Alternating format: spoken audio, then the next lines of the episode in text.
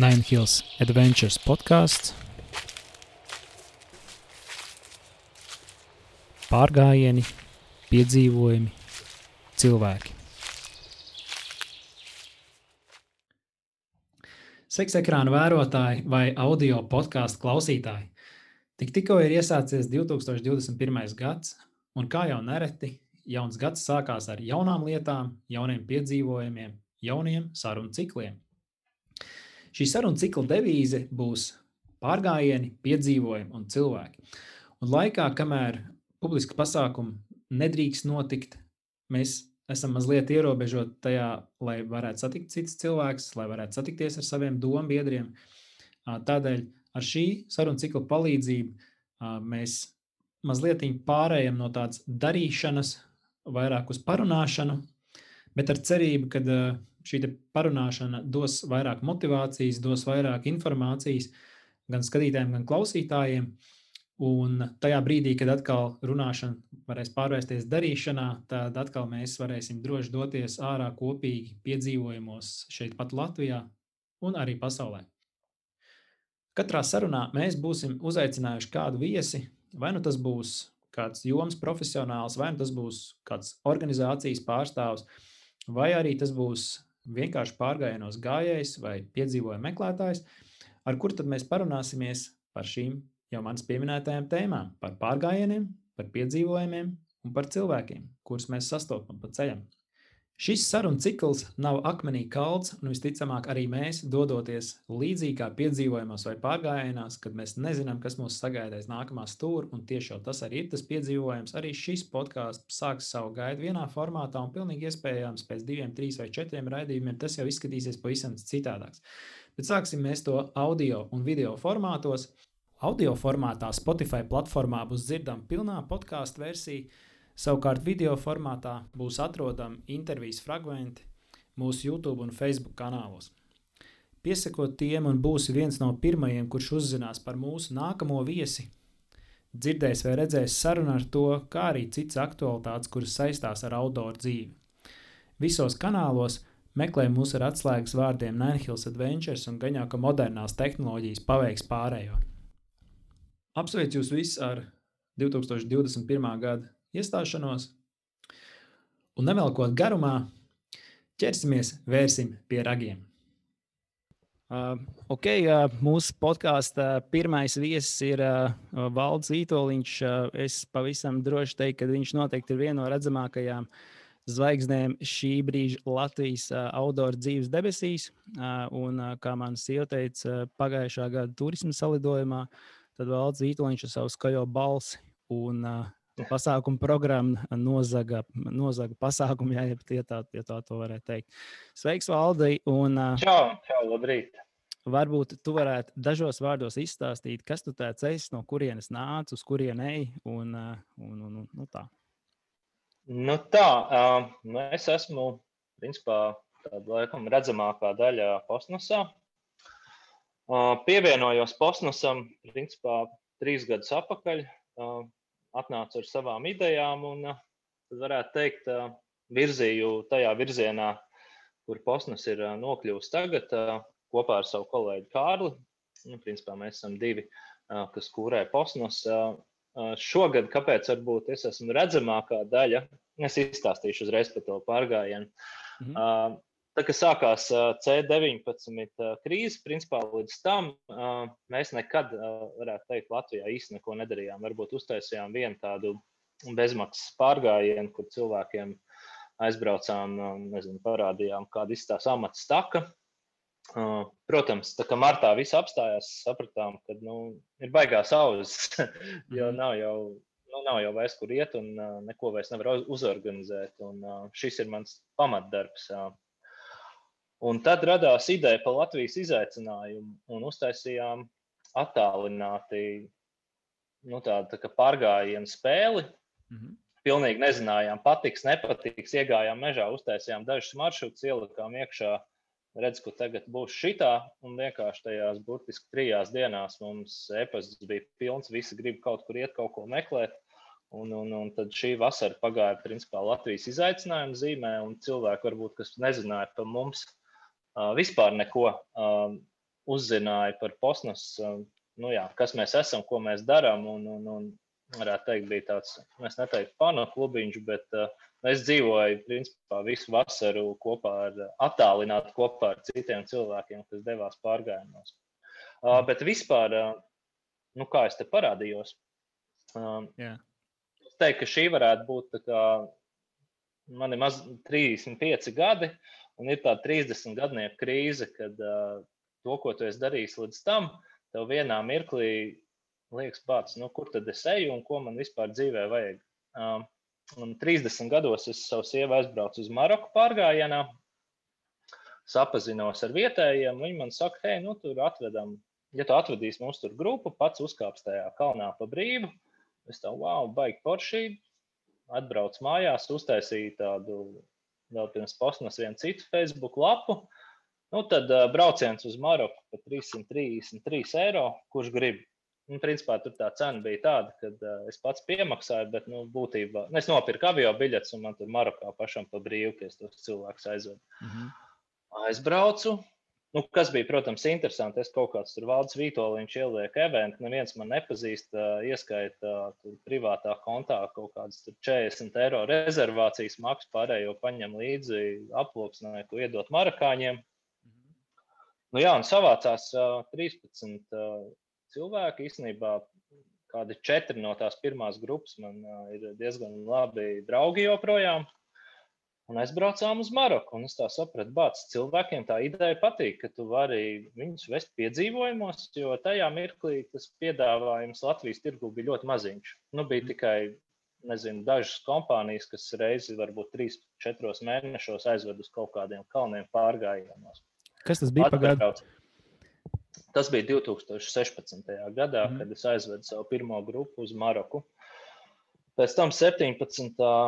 Gada janvārī man bija vēl viens brauciens uz Maroku, kurā jau pieteicās, man liekas, 20 cilvēki. Nu, tur bija tā, ka man bija jau. Es teicu, nē, nē, viss, viss pietiek, ap, jo nu, ir pa daudz jau. Jo es parasti netaisu grupas lielākas par nu, 12, 15 cilvēkiem, bet tur sanāca 20. Mhm. Uh, arī sieva brauc līdzi, palīgā vadīt. Tas vispār bija jāstas brauciens, jo jābūt saulē un kalniem janvārī finālā. Nu, saule arī bija kā bija sniegputens un vispārējais. Uh, Tas bija rītīgi forši.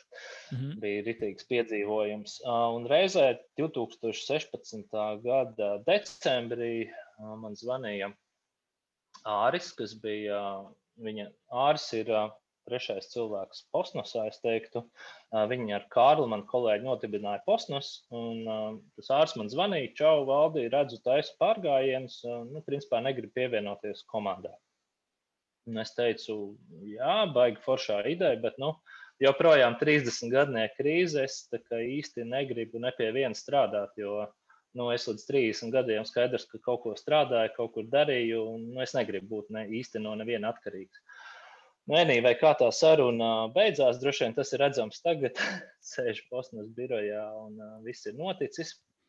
Uh, nu jā, un uh, tad es pievienojos posmas, uh, sākām ritīgi aktīvi taisīt braucienus, mājaslapu uztaisījām, uztaisījām, uh, nezinu, Facebooku, ja tajā laikā bija laikam posmasam kaut kādi 4000 laiki, tad tie tagad jau, es nezinu, pār 30 tūkstošiem Nu, principā divu intensīvu gadu laikā gribētos domāt, ka nu, Postnos iegūta tādu stabilu vietu Latvijas outdoor tirgū. Uh mhm. -huh. nu, tā laikam, jā, nu, tas tāds stāsts. Vecajā dzīvē bija 12 gadus uh, DJs, zināms, uh -huh. uh, datordizainers. DJošana īsti nu, atmetu viņu kādus trīs gadus atpakaļ. Tagad šad, tad, uh, savu prieku pēc kaut kur uzspēlēju. Nu, šogad laikam sanāca viena reize, dēļ tā paša C19. Uh, un, un, bet tas arī forši, jo, jo ir daudz vairāk laika mājās ar ģimeni. Uh -huh. nu, tā. Kā tu, teiksim, nu, protams, DJs un piedzīvojuma vadītājs. Tas ir uh, jau krāsa, es redzu, un tā kā tu minēji, ar, arī ar uh, saistībā ar uh, 30 gadu krīzi, un pēc tam nāks 40, un tad 50. Jā, un ik pa laikam mēs varam mainīt. tas jautājums, kā tu sāki pārgājienos vispār iet? Jā, teiksim, kas bija tas? Varbūt, savu, varbūt var izstāstīt par savu pirmo pārgājienu, ko tu atceries, vai pirmo, kas tev varbūt teica, o, tā, šis ir kaut kas. Un... Nu, tāds uh, agrāk, nu, respektīvi, droši vien tas ir nopelns uh, gan vecākiem, gan uh, aktīvai ģimenei. Mm, tāds pirmais pārgājiens, ko es atceros, ir uh, man, mums bija lauka māja, joprojām ir ērgļos, 8 km no ērgļiem. Um, 90. gadu sākumā, 80. gadu beigās nebija mūsu mašīnas, kā droši vien vairums Latvijas iedzīvotājiem, kas mm -hmm. padomju Latvijā dzīvoja. Nu, un tad mēs braucām ar to vilcienu Tas nav vairs Rīga ērgļi. Tas jau vien mhm. bija vesels piedzīvojums. Viņš brauca četras stundas, un tu tur varēja izgulēties, paēst, pārdomāt visu savu dzīvi.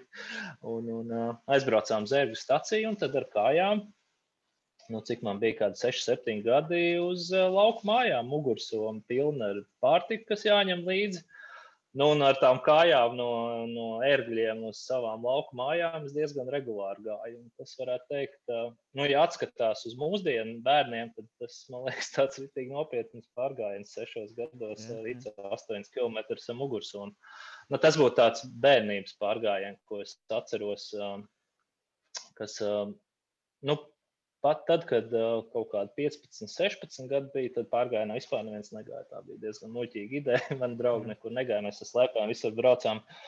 Un tad, es teiktu, 19, 20 gados uh, nu, kaut kā varbūt draugiem mainījās domāšana. Mēs diezgan daudz uh, aizrāvāmies ar geokašu. Mm -hmm. nu, tu droši vien zini, kas tas ir. Jā. Mēs slēpņojām, un tad, principā, mēs visas brīvdienas, darba dienas, naktis pavadījām kaut kur mežos, kaut ko meklējot, paši taisot slēpnes. Tas varbūt nav īsti pārgājiens, bet nu, tāpat tās visu laiku sanāca iet, pabrauca mašīna, kaut kur trīs km mm -hmm. iebrien, kaut kādā mežā kaut ko atrod, pēc tam brauc tālāk. Un tad arī reizē um, ko es atceros, varētu būt kāds 13. gadā ar Gandru. Mēs pieteicos, gāju kaut kādā pārgājienā ar tur lielā grupā ar saviem draugiem. Mm -hmm. Tad es izdomāju, pēc tā gandra pārgājiena, kāpēc es pats neuztaisītu kaut kādas bezmaksas pārgājienas. Tad, uh, kur mums bija, bija līča lāņu klintis, bija sēdes purvam, gājām apkārt, arī uztaisīja pārgājienu. Es neatceros, draugos vai Facebookā to pārpublicēju pēc tam turismu dienā.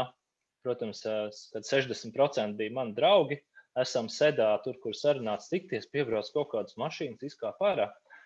Nu, labi, es domāju, nu, draugi ir uzaicinājuši vēl kaut kādus draugus, bet nē, mēs ejam un beigās es ar draugiem saprotu, ka tos cilvēkus reāli neviens nepazīst. -hmm. Izrādās, viņi turismu dienā izlasījuši, ka ir bezmaksas pārgājiens apkārt sēdes purvam un atbraukuši. nu, es jau tur viņu īsti nevadīju, tur jau nebija ko vadīt. Vienkārši ejam apkārt sēdes purvam, tur pat nu, tāds četras stūris jānoiet. -hmm. nu, jā, tas varētu būt tāds tā aizmetnis nu, tam, kā es nokļuvu līdz pārgājienu organizēšanai. -hmm. Un, jā, un pēc tam, kad bija līču lāņu klintis, tad jau man atnāca nu, laikam kā 30 cilvēki, no kuriem 20 es noteikti nepazinu. Mm -hmm. un, un, un tas arī deva tādu ideju, ka jā, šitā, šitā lieta ir dzīvot spējīga un cilvēkiem patīk, kad par viņiem parūpējās un parāda to ceļu, kur iet. Mm -hmm. nu, tā. A, tu esi domājis, kas, kas ir tev tas, kas, nu, piemēram, ejot pārgājienā, nu, vai teiksim, piedzīvojumā, dodoties, kas ir tev, kas tev tajā pārgājienā patīk, vai kāpēc tu dodies viņos? Um, man laikam tas uh, galvenais ir, kad tā, kad es mājās, vienalga darbā, mājas dzīvē, es neteiktu, ka te ir kaut kāds stress, bet uh, nu, tev sakrājās tāds emocionāls nogurums. Bet tajā mirklī, vienalga, vai tu esi Latvijā vai Kalnos, kad tu ej pārgājienā, tev pilnībā atpūšās uh, domāšana, mm -hmm. smadzenes. Uh, nu, tu esi nu, klātesošs tajā mirklī, kur tu izdzīvo. Un, un, un jā, tas ir tas, kas man patīk.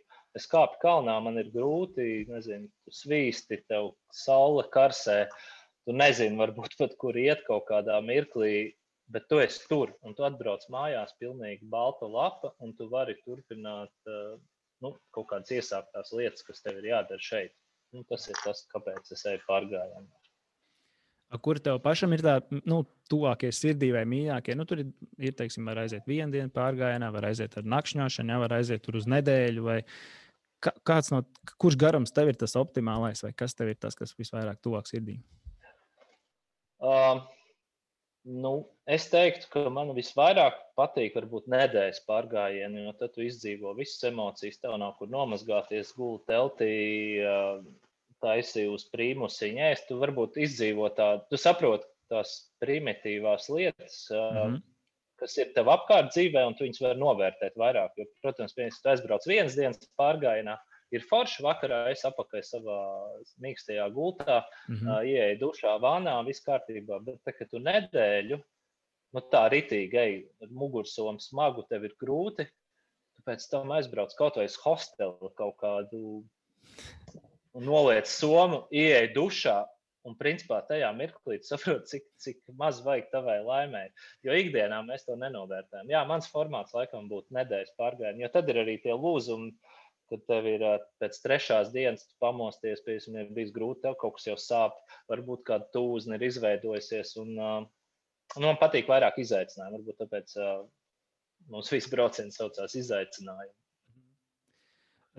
Tieši es atceros, tu minēji par to, par to hosteli, ja, un tieši vakarā draugiem mēs runājām par perspektīvu, par Āfriku un dušu, kas ir nu, teiksim, no Eiropiešu skatu punkta, ir nu, ļoti tur viss slikti, tur ūdens nepareizā krāsā, tur pusi tek kaut kas garām. Viss. Un kā, kā mainās tas skats uz uh, šo pašu dušu divu nedēļu laikā, ierodoties nu, teiksim, no Eiropas. Mm. Tu tur iet, tu nevari saprast, nu, vai vispār vajag iet iekšā, vai tur vajag ātri kaut kā noskalties un skriet ārā, vai pēc tam divām nedēļām, kad tu esi nokāpis teiksim, kaut kur no kāda kalna vai nu, pēc kaut kāda piedzīvojuma, tu ieraugi to dušu, un tad tev liekas, ka tas ir nu, labākais, kas var būt. Nu, vienkārši pietiekami pat ar, ar kaut kādu ezeru. Dažreiz, ja mēs nokāpsim kaut kur zemāk, kur ir ledus augsts ezers, un tu viņā var iekrist iekšā, tas jau ir gandrīz labi. nu, jā, tā kā. Jā. Perspektīva. Viss, jā, viss mainās vienkārši no tā. Īstenībā tas ir iemesls, kāpēc daudz cilvēku dodas, kad uh, viņi atklāja varbūt sevī kaut ko citu, un viņi redz, cik īstenībā viņiem ir mājās laba dzīve. Nu, viņi aizmūka uz kalniem, aizmūka varbūt uz kaut kādiem džungļiem, piedzīvojumā. Nu, tur ļoti bieži ir diskomforts, tev ir sasvīdis, tev ir jāguļ kaut kādā zaru būdā. Un tad, kad tu atbrauc mājās, saproti, bāc, man ir tik forši. Braucot projām, tev varbūt likās, ka tev tur vajag jaunu remontu, tev vajag, es nezinu, labāku mašīnu, krūtāku telefonu. Uh, Bet uh, atbraucot no tādiem piedzīvojumiem, saproti, nu jā, par ko tad ir tā varbūt mm. dzīve. Nu, atkal tā, man liekas, ir tā pati perspektīva, ne? kad mēs varbūt ikdienas, ikdienas tajā steigā nenovērtējam tās lietas, kas mums ir, un tad mēs paskatāmies no tās nu, nosacīt mazāk komforta puses, jo tomēr Eiropā mēs pārsvarā dzīvojam nu, salīdzinoši ļoti, ļoti labā komforta līmenī, un tas uzreiz iedod kaut kādu mm. citu skatījumu uz lietām. Uh, jā, mēs aizrunājamies jau par ārpus Latviju, par Āfriku un vēl. Kas ir tas, varbūt, tavs tālākais punkts, kur tu esi bijis no Latvijas pats, varbūt, um, vadot pārgājienus? Nu, jā, man divi braucieni, kas, kas laikam ir, es teiktu, tādi, nu, labi, life changing, nē, bet uh, mani sapņi, kurus es esmu piepildījis uh, ar posmas palīdzību. Uh, pirmais bija 18. gadā aizbraukt uz Arktiku. Mm -hmm. Es uzorganizēju braucienu. Tas ir tālākais turistiem pieejamais ziemeļpunkts, mm -hmm. kur mēs, jā, bija grupa, mēs pārcēlāmies pāri ar motoru laivām fjordam. Mums tur izmet ārā pilnīgi vientuļā krastā. Man bija līdzi gids ar bisi, mm -hmm. uzcēlām apmetni, un uh, tur tu sajūties kā uz pasaules malas. Jo uh, vienā sānā tev ir ledājs, tad ir kaut kāds kalns, kaut kādas upes tek, nav ne taku, ne dzīvības, kas skaida apkārt polāru lapsas, ziemeļbrieži. Un, vienkār, un neviens dzīvnieks no tevis nebaidās, jo viņi nav pieraduši pie cilvēkiem. Un, mm -hmm. Tev nav ne zona, mēs desmit dienas tur esam, pludmalē dzīvojam, dodamies pārgājienos, nav vispār nekā apkārt. Ir. Un, un, protams, tas polārā diena, kad vienos naktī saule ir apmēram tā kā vasarā 11. no rīta. Mm -hmm. um, nu, jā, nu, tas bija tāds uh, es divus gadus braucu uz Arktiku un gribēju arī šogad braukt. Laikam tā ir viena no manām mīļākajām vietām pasaulē, jo tur, mm -hmm. tur, nu, tur ir tā kā nekur. Man laikam vispār patīk ļoti ziemeļu zemes, tāpat kā Islande, Norvēģijas ziemeļi.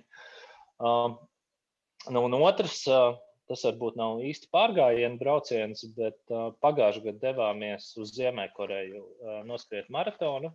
Um, Manuprāt, šī bija pirmā gru, latviešu organizētā grupa braucienam uz Ziemeļkoreju.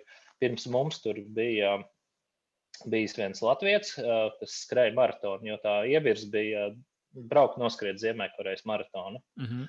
Tad mēs savācāmies desmit cilvēki un, un aizlidojām uz Pekinu un no Pekinas ar vilcienu iekšā Ziemeļkorejā.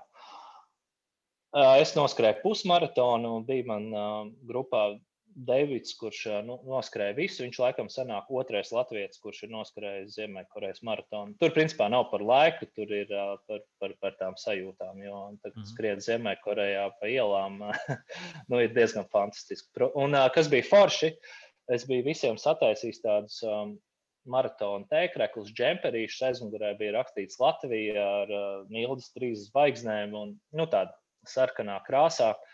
Un uh, mums nāca laikam Singapūras televīzija filmēt, jo viņi domāja, ka ieradusies Latvijas izlase, jo mēs desmit cilvēki visi vienādos džemperos uh, mūs filmēja. Un, un tad jau, kad mēs bijām apakaļ Ķīnā, uh, mums uz ielas viens skrējējis, skrien garām. O, oh, jūs esat tie latvieši, es jūs redzēju televīzijā, jūs tur to Ziemeļkorejas maratonu skrējāt. Nu, tur nu, bija tāds sajūta, ka mēs kaut kādas bez mazliet slavenības esam ieradušies. Mm -hmm. Un, uh, Jā, tā bija tikai daļa no brauciena, jo pēc tam mēs braucām atpakaļ ar vilcienu uz Latviju. No Ziemeļkorejas atpakaļ uz Pekinu, un tad ar Transsibīrijas vilcienu caur Mongolijai, Krievijai kāpām ārā vairākās vietās. Ulambatorā uz piecām dienām Mongolijas galvaspilsētā. Tur paņēmām džipus, aizbraucām uz kalniem. Nu, cik, es nezinu, cik viņi bija augsti. Nav svarīgi, uz mm -hmm. tūkstnesi ar kamieļiem jājām, dzīvojām jurtās. Uh, Tad pēc tam Baikāla ezerā taisījām pārgājienu, uzkāpām Pīkļu Gvi, 2000 metru augstā kalnā. Gana mazs, bet, lai viņi to virsotni sasniegtu, bija jāuzkāp 1400 metri četros kilometros. Nu, respektīvi, mm. rītīgs tāls pārgājiens. Nu, tā ka 25% es uzkāpu, tur tāds zīme 25, 50, 75, 100%. Un tu pie 25 domā, nu nopietni, vienkārši cik var iet, jo tu visu laiku kāp 45 grādu leņķī. Nu, varbūt viņš pārspīlē, bet nu, sajūta līmenī. Mm. Un, un, Nu jā, un tas bija mēnesi garš piedzīvojums no Ziemeļkorejas līdz Latvijai. Nu, nu, tas bija nu, tā, ka tu vienkārši saproti, ka tu atbrauc atpakaļ, tev liekas, ah, nu jā, bija forši. Tad paiet kāda nedēļa, un saproti, pats bija tik superīgi. Nu, nu, vienkārši tas, ko tu tur piedzīvoji, arī kā es visiem grupai teicu, nu, dod Dievs mums runāt pēc mēneša. Nu, mēs dzīvojām principā vilcienā vai mm. kaut kādā hostelī, un tu esi ļoti mazā telpā ar nepazīstamiem cilvēkiem. Ja tu esi nedēļa, principā tu vari pieciest jebko. Pēc divām, nu, tev varbūt sāk jau kaut kas nepatikt, nu, bet pēc mēneša tu esi dzirdējis visus stāstus. Tu esi, tev sāk jau varbūt mazliet kaitināt, kā viņš ēd, vai, vai nu, kaut kādas tādas ritīgi ikdienišķas lietas. Un, um, kaut kad trešajā nedēļā man teica, nu jā, Valda, laikam tev bija taisnība par to tostu, kad uh, dod Dievs mums sarunāties. Bet nu, mēs atbraucām apakaļ, ritīgi kā draugi, un uh, viss tā komanda joprojām esam draugi. Jā. Nu, tas bija tāds laikam nu, pēdējo gadu lielākais brauciens. Šogad uh, man bija liels lepnums. Uh, man bija jābrauc ar grupu uz Islandi. Uh, dēļ Covid mums uh, Islandes reisus atcēla četras dienas pirms lidošanas, un visa grupa izlēma doties uz Lofotas salām, kas uh, Norvēģijas ziemeļos. Mm -hmm. Tad bija man uh, sen uh, izsapņots galamērķis, bet nu, kaut kā visu laiku nesanāca uz turieni. Un, uh, bet ne par to stāsts. Uh, paņēmu līdzi savu 12-gadīgo meitu uh, pārgājienā. Nu, viņa bija daudz braukusi ar mums individuāli, bet uh, nebija ar grupu braukusi. Mm -hmm. un, un tas bija rītīgi forši, kad uh, nu, tā sirdī aizkustinoši, kad bija vētra, bija mēs uzkāpjam kalnā, visi slapi. Uh, esam meitu ielien teltī, un uh, tajā mirklī, lai viņi teiktu, ka uh, vispār grūti. Saka, tēt, es redzu, ka tu esi noguris, nu, es tev varu pamasēt rokas vai pēdiņas. Nu, nu tā, tas bija tāds baigais sentimentālais, kad uh, tu redz, mm -hmm. kā tev arī meita ir itīgi aktīvi izaugusi. Nu tā, tas pa kaut kādiem. Jā, nu, emocionāls brīdis, jā. Jā. Es klausos, tu saki, skriet pusmaratonu, iet garas distances, kāpt augstu kalnos. Kā tev ir, teiksim, tu kaut kā īpaši gatavojies katram braucienam, vai vienkārši tev ir kaut kāda programma, tu trenējies, cels svārus, skrien maratonus, nezinu, kas ir tev? Um, nu, kas ir? um, Jā, vēl pirms posmas sākuma, principā es katru dienu gāju uz DCH studiju, uz fitnes treniņiem. Nu, tur mm. dažādi gan svaras cilvēki, gan, gan kardio treniņi. Jā, kādus četrus gadus gāju tur, tad gāju uz veselības fabriku. Principā, jā, savu ikdienu es pavadu ļoti, es teiktu, sportiski. Var, mm. Varbūt, kas gan šajā gadā, kā jau nezinu, kā citiem visu to C19 un sporta klubu aizvēršanām, atvēršanām. Nu, esmu bijis šīm palaidies, bet mm -hmm. uh, tas nekas. Um, tā ir Latvijas izaicinājuma, un, un, un tāpat tās sanāk kustēties varbūt netik daudz. Bet jā, nu, kas ir mans tā, man tā doma?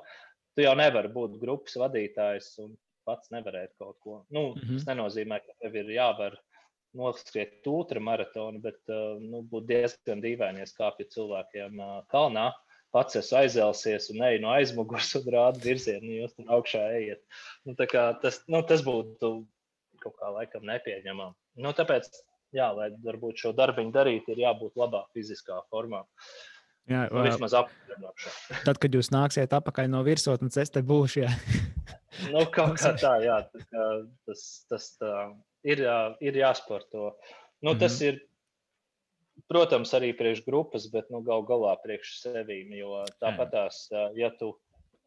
Nu, līdzīgs ieguvums, tad, kad tu kāp kalnā, tev atbrīvojas smadzenes, un ja tu aizēji stundu izskriet, nu, tu to stundu domā mm -hmm. tikai par to ceļu zem kājām. Un, un ko es esmu pamanījis, ka vajag kustēties un sportot, jo uh, Es teiktu, tev nomierinās uh, kaut kāda nervu sistēma. Varbūt vīriešiem tas ir uh, svarīgāk, jo, ja es kaut kādu ilgāku laiku neko nedaru, es neteiktu, ka es palieku īgens, bet mm -hmm. nu, man garstāvoklis noteikti ir daudz sliktāks nekā, ja es katru dienu kaut ko aktīvu daru. Tāpēc, jā, jā tur bioķīmiskie procesi. Un...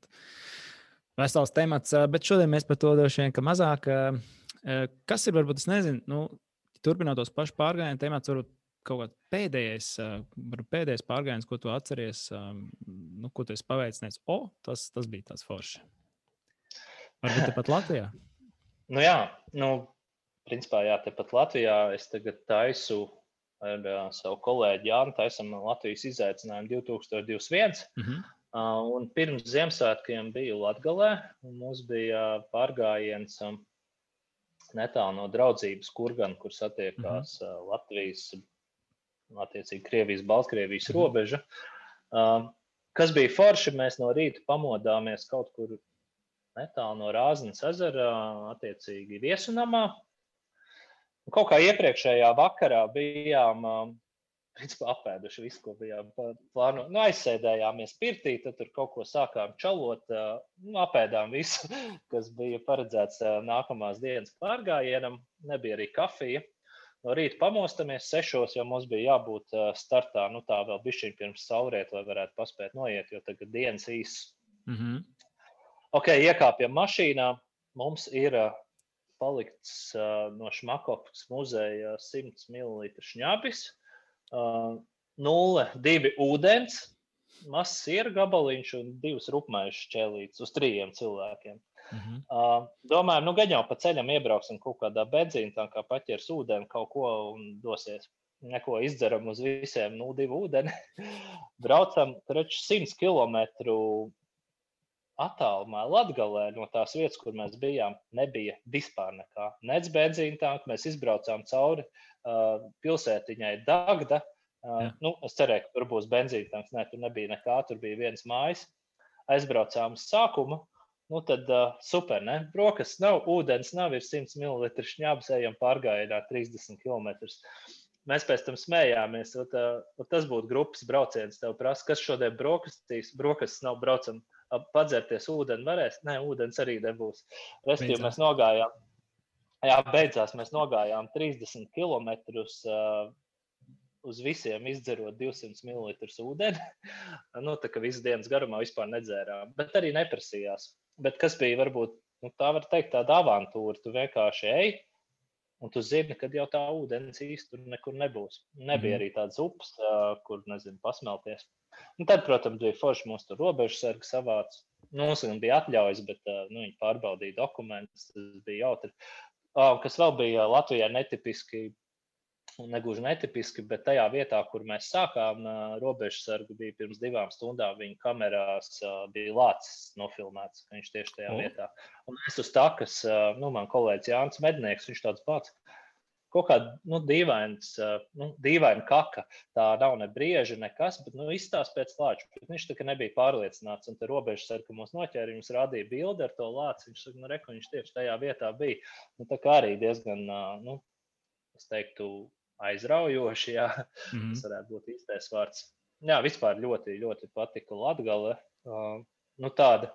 Es laikam nebiju bijis nekad Latvijas tādā Krievijas pierobežā. Es vienmēr, mm -hmm. ja braucu uz Latvijas pārgājienā, tad tas tā kā nu, līdz Daugaupilī kaut kur tur pie, nezinu, pie tās izkrist no galvas, bet nu, nekad nu, pašā pierobežā. Un tur bija sajūta, ka tu esi jau tādā mazā Krievijā vai nu, tādas ritīgas sāģes ar mājām. Izstījās, ka tur tāda Covid krīze nu, vienkārši nav, jo tur jau tāpat nekas nenotiek. Nu, kāda tur krīze, tev ir govs un elektrība joprojām ir, un, iespējams kaut kāda televīzijas kanāla varbūt noķert. Jā, tas bija par Latvijas pārgājienā. Jā, jā. jā, tur ir, tur ir interesanti. Es pats esmu bijis arī vairāk kārtīgi, un gan tevs pieminētajā pie draudzības kurgāna. Un, un ir augstāk, nu, teiksim, pie zilups. Un, uh, tur tiešām ir cita pasaule, un tev pat brīžiem ir tā, ka tu, teiksim, ierunājies latviešu valodā, pajautāt, piemēram, kas te ir, vai kas, kur mēs varam atrast kaut kādu ceļu, vai kaut kas uz tevi skatās. Un, Neko nesaprot, un, un tad tev tiešām liekas, oh, tā kā mazās ārzemes īstenībā. Jo. Nu, jā, tad uh, par uh, nu, teiksim, varbūt viena no tām sastāvdaļām, nu, pāriesim pie par specifiskākiem mazliet jautājumiem, piemēram, nakšņošana. Nu, teiksim, viena no sastāvdaļām, protams, ja mēs ejam vairāk dienu pārgājienos. Un tur ir atkal dažādi cilvēki un dažādi, dažādas ticības un pārliecības. Un kā, kā ir tev, piemēram, ar to pašu apmetnes ierīkošanu? Tev tā ir tikai nepieciešamība, tev patīk tur nu, kā, tērēt savu laiku vai, teiksim, tur taisīt apmetnes. Uh, tur ēst gatavošanas un visus šos te. Kā, kā, kā ir ar to? Mm, nu, man uh, varbūt patīk tā sajūta, kad ir iekurts ugunskurs. Uh, nezinu, esmu gatavs pusstundu, stundu mežā meklēt zarus, lai sakurinātu foršu ugunskura, sataisīt sēžamos apkārt ugunskuram, palīdzēt, ja tas ir grupu brauciens, sacelt visiem telts, atrast labākās vietas. Um, nu, es not vienmēr daru tā, ka uh, nu, savu telti es uzceļu principā pēdējais, nekad ne, mhm. neuzceļu savu telti, un tad uh, saku, o, reku, man telts, nu kā jums iet. Um, Nu jā, um, zaru būdas, godīgi sakot, uh, ja neskaidrs bērnībā, es neesmu taisījis. Mm -hmm. uh, nu, varbūt es neesmu tas cilvēks, kurš, uh, kuram patīk gulēt uz egļu zariem un apsekties ar uh, kaut kādām skujām un sniegā iekšā. Nu, kā es zinu, daudzi Latvijas ir, ir citi, kas uh, organizē tās mm -hmm. ekspedīcijas, kad tur sataisa. Nē, tas nesēs. es tā jā. nedaru. Bet uh, nu, manos braucienos, jā, mēs braucam ar teltīm. Mm. Un tad, attiecīgi, protams, rekomendēju ņemt vieglas un labas teltis līdzi, attiecīgi, kāds guļamais matricīšs. Nu, tas viss tā tehniskā lieta, bet jā, mm, nu, tieši tādas apmetnes mežā, mājas nesu cēlis, jā, tad laikam priekšroka teltīm. Mm -hmm. Un uh, par ēnu gatavošanu.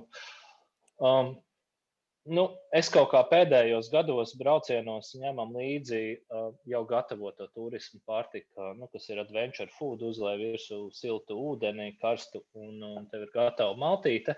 Tas varbūt uh, arī nav tāds nu, tā sajūta, es pats paņēmu savus grīķus, tur kaut ko tur samaisīju, apēdu.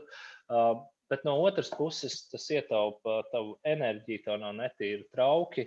Uh, nu, Kāpēc? Es uzskatu, ka, ja ir izdomāts kaut kādas, es neteiktu tehnoloģijas, bet kaut kādas lietas, kāpēc viņas neizmantot. Nu, tāpat tās ir braucieni, kur mēs, ja mums ir atbalsta busta, mums līdzi ir uh, trīkājas lielais katls, nu, tad mēs -hmm. varam zupu. Tas arī ir vesels process, bet, uh, piemēram, ja mēs ejam pa 12 stundām kalnos, nu, tad tīri godīgi vakarā, nu, tev baigš morēt, neko negribās. Tev gribās uzvārīt ūdeni. Apliet to savu sauso zupiņu vai nezinu, gulašu, apēst viņu un vienkārši atpūsties. Nu, tā ir cilvēcīgi. Protams, braucienos, kur ir tas būs līdzi, mums šoferis aizbrauc jau laicīgi uz apmetnes vietu, viņš ir uzvārījis zupu, iekārtojis. Nu, tas, protams, ir daudz foršāk. Nu, mm. Tad tev ir tas ugunskurs ar zupu. Nu, jā. Es saprotu, jā, jo man arī ir vairāk teiksim, tas, tas moments, ka nu, tā ir laikam tāda nepieciešamība vairāk un citreiz. Ceļš tiešām, ka tu esi ļoti pārgājis. Nu, vienīgais, ko gribās, o, pat citreiz negribās ēst, kad, bet tu zini, ka ir Jā. jāpēd, vienkārši jāuzņem tā enerģija un gribās vienkārši ielīst un atpūsties kaut kur, nezinu, tur. Tā kā tā, bet ir filozofijas, jā, kur, kur cilvēki tur gatavo un investē ļoti daudz laika, tāpēc ka tas ir tas viņa centrālais elements tajā pārgājienā, ka nu, tā apmetnes rīkošana un neizgatavošana. gatavošana. Tāpēc, tāpēc arī šis jautājums, tomēr, nu, kā ir tev. Um, Kā ir teiksim, par pašu pārgājienu organizēšanu? Kā tu izvēlējies, teiksim, galamērķi? Nu, Vien, es saprotu, ka pasaulē un Latvijā tur droši vien atšķirās. Kas ir tas, kā tu izvēlējies uh, galamērķi un kā tu pēc tam viņus, teiksim, saplāno šos te pasākumus? Varbūt mazliet par to virtuvi var pastāstīt. Jo, piemēram, nu, nu, teiksim, piemērs, nezinu, pasaulē tur nu, 200 valsts jau vai tu tam, jā, nu, uz kur braukt, droši vien ir kaut kāda dilēma kaut kādā brīdī. Kas ir tas, kā tu to izlēmi? Uh, Ai, grūti pateikt. Nē, īstenībā ļoti daudz internetā meklējot, uh, apmēram skaistākie pārgājienu maršruti pasaulē. Uh, bieži dara tā, mm, apstos kaut kādu valsti, pieņemsim, jāma, un ko tur var darīt, ko tur var redzēt, kā tur izskatās. Uh, meklē, meklē, kādas divas, trīs dienas vienkārši investēju laiku, lai izlasītu visādus blogus, ceļvežus par to, kas tur ir. Un, ja es nonāku pie secinājuma, jā, nu, ka tā vieta ir tā vērta, nu, tad attiecīgi sāku plānot maršrutu. Um, nu, pieņemsim, uz Eiropu ir diezgan viegli. Nu, viss ir pieejams. Uh, mm -hmm. Sevišķi kaut kādā Spānijā, Norvēģijā, kur ir visas tās gājas takas. Nu, tu vienkārši atrodi taku, pa kur tu vēlies iet. Nu, pārējais jau ir diezgan tehnisks, kur turpat ir telšu vietas atzīmētas. Mm -hmm. Um, varbūt grūtāk ir uz Āziju, kur ir ļoti daudz visādi nezināmie, un tur nezinu, kas tev notiks pa ceļam. Nu, tad tur vairāk tā enerģija ir uh, jāatrod. Bet kas ir forši, varbūt tām valstīm, uh, tur vietējo gidu pakalpojumi ir super lēti mm -hmm. un uh, ir diezgan izdevīgi. Nu, tu, tev ir tavs plāns, bet tu paņem vietējo, un tas vietējais tev iedod nu, tādu ritīgu uh, pievienoto vērtību. Pirmkārt, viņš var daudz labāk izstāstīt par to, kā, kas ko, mm -hmm. un arī tu vari nokļūt vietās, kur varbūt tu nenokļūtu tāpatās. Um, nu, par pārgājienu plānošanu. Nu, jā, es vienkārši daudz laika pavadu skatoties kaut kādus YouTube klipiņus par to, kā ir lasot blogus un tad izvēloties uh, galvenmērķus. Un arī daudzās valstīs, pieņemsim, Maroka, Grūzija, Uzbekistāna, tā pati Ķīna. Man ir sadarbības partneri vietējie, ar kuriem es sapazinies. Viņi man ļoti bieži atsūta kaut kādas jaunas idejas. Mm -hmm. Līdz arī māmā man ir meitene, ar kuru es sadarbojos. Viņa man atsūtīja attiecīgi 19. gada vasarā, ko mums ir jauns projekts. Mēs braucam ar motorlaivām pa vientuļām salām, taisam tur teltis. Es zinu, ka tu taisi piedzīvojums, tas varētu tev patikt.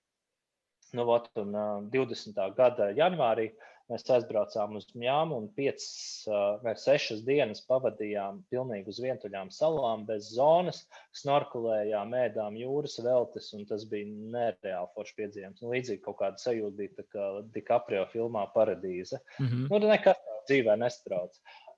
Es tur noteikti nevarētu nokļūt, nu, ja es nebūtu bijis Mjāmā, nezinu, tur gadu un kaut ko tur dzīvojis. Nu, kā es varu zināt, uz kur no tām salām ir jābrauc? Viņas, viņiem tur ir tūkstotis salas tajā arhipelāgā, mm -hmm. tādas maziņas. Bet uh, vietējie ir nu, izpētījuši, kuras ir foršās. Un, un, jā, jā. Nu, tas bija superīgs piedzīvojums. Un tā kā jo vairāk tu dari to turismu, jo vairāk tev radās uh, iespējas, un tev cilvēki paši kaut ko piedāvā, nu, tev ir tikai jāmāk izvērtēt, kas ir vērts un kas nav vērts. Tā. Mm -hmm. nu, jā.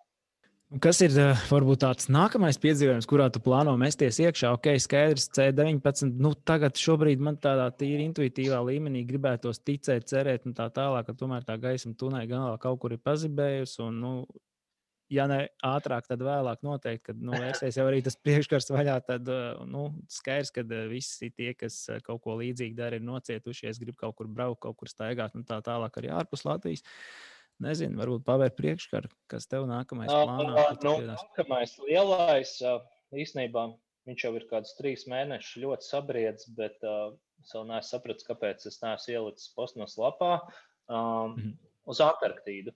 Uh, respektīvi, tā mm. firma, ar ko mēs braucām uh, uz Ziemeļkoreju, ko mēs uh, kārtojam Ziemeļkorejas vīzas, piedāvāja nu, teiksim, manā, manai firmai vietu viņu kuģī, kas brauks uz Antarktīdu. Tā cena bija daudz, daudz labāka nekā jebkas, ko tu vari atrast internetā. Mm -hmm. nu, mhm. protams, Antarktīda, es domāju, ka katram piedzīvojumu meklētājam ir tāds sapnīts, jo nu, tas ir dārgi. Nu, dārgi arī būs joprojām, bet uh, varbūt ne tik dārgi, kā mm -hmm. atrodot internetā.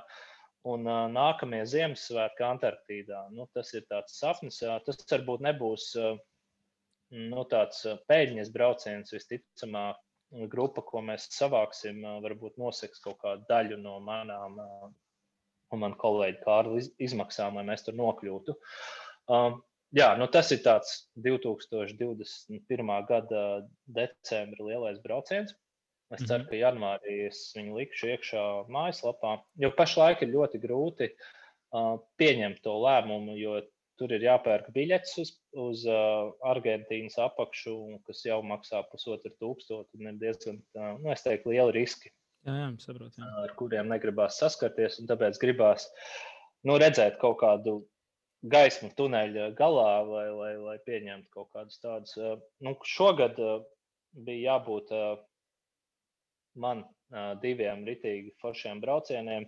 Pirmais bija, es teiktu, nu, tāds otrais medus ar sievu Jaunzēlandē. Man bija plānots uh, martā lidot uz Jaunzēlandu. Ne, mar jā, marta beigās lidot uz Jaunzēlandi uz mēnesi, izpētīt, uh, ko tur var darīt, mm -hmm. un tad taisīt grupas attiecīgi šajā gadā. Nu, protams, Jaunzēlandē es nenokļuvu.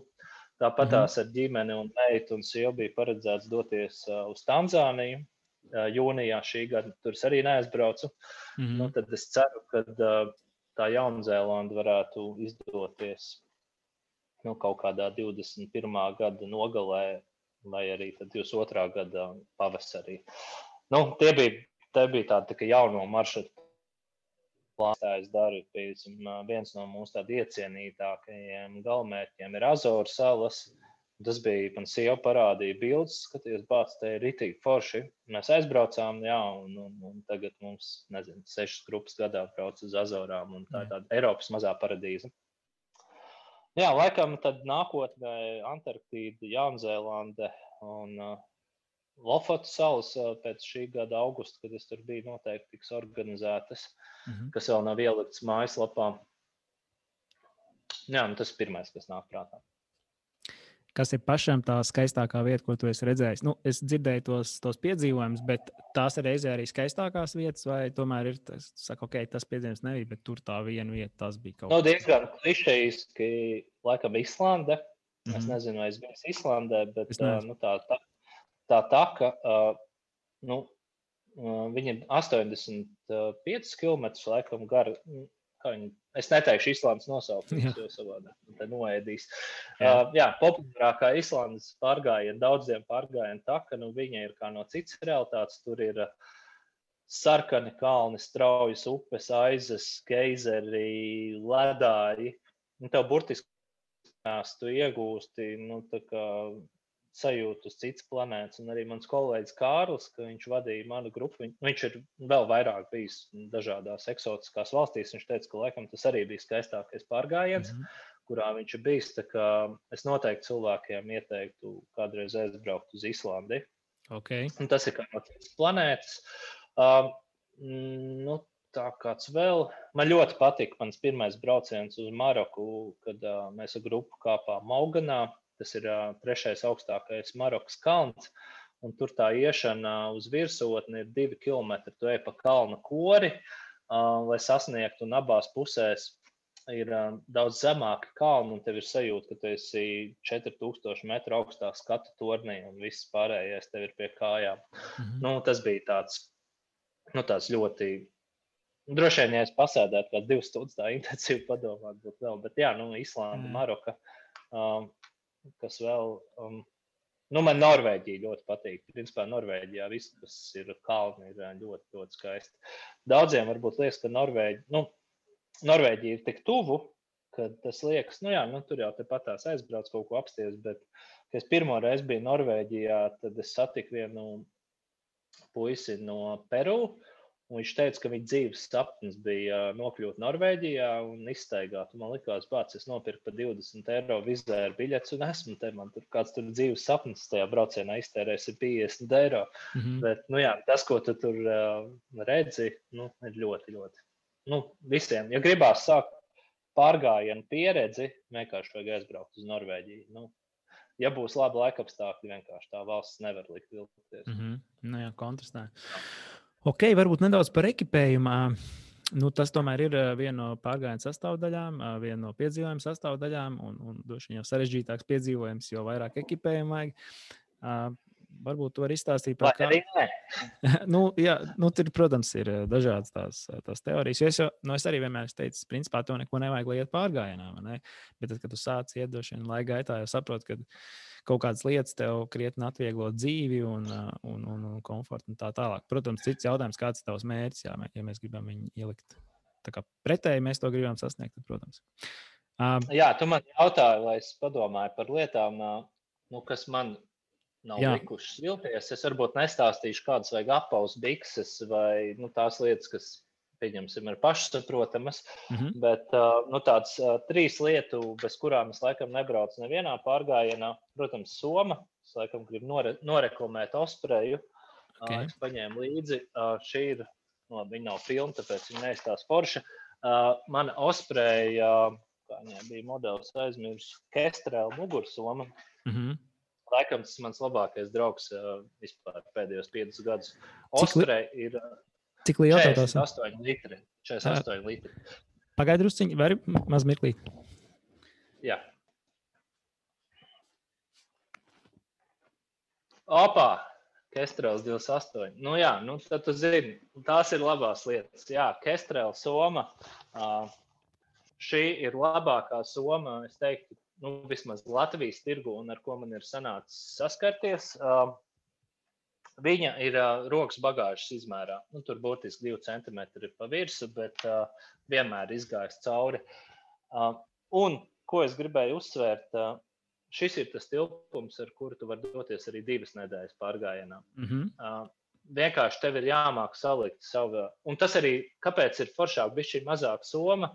Tu nepaņem līdzi liekas mantas. Tu Jā. paņem tikai reāli to, ko tev vajag. Uh, Un tajā somā tu vari dabūt iekšā telti guļamais un matricīti. Protams, tām lietām tev ir jābūt mazām. Man ir viegls guļamais un, un viegls matricītis. Jā, nu, vienkārši labākā soma, kādu nopērkam. Uh, nākamā, nākam, jā, nu, vienkārši osprejs, nu, tur nav konkurence. Nākamā lieta, laikam, ir šī. Uh, tas ir mana uh, Garmin navigācija. Mm -hmm. Varbūt uh, mūsdienās liekas, nu, kāpēc man vajag šādu.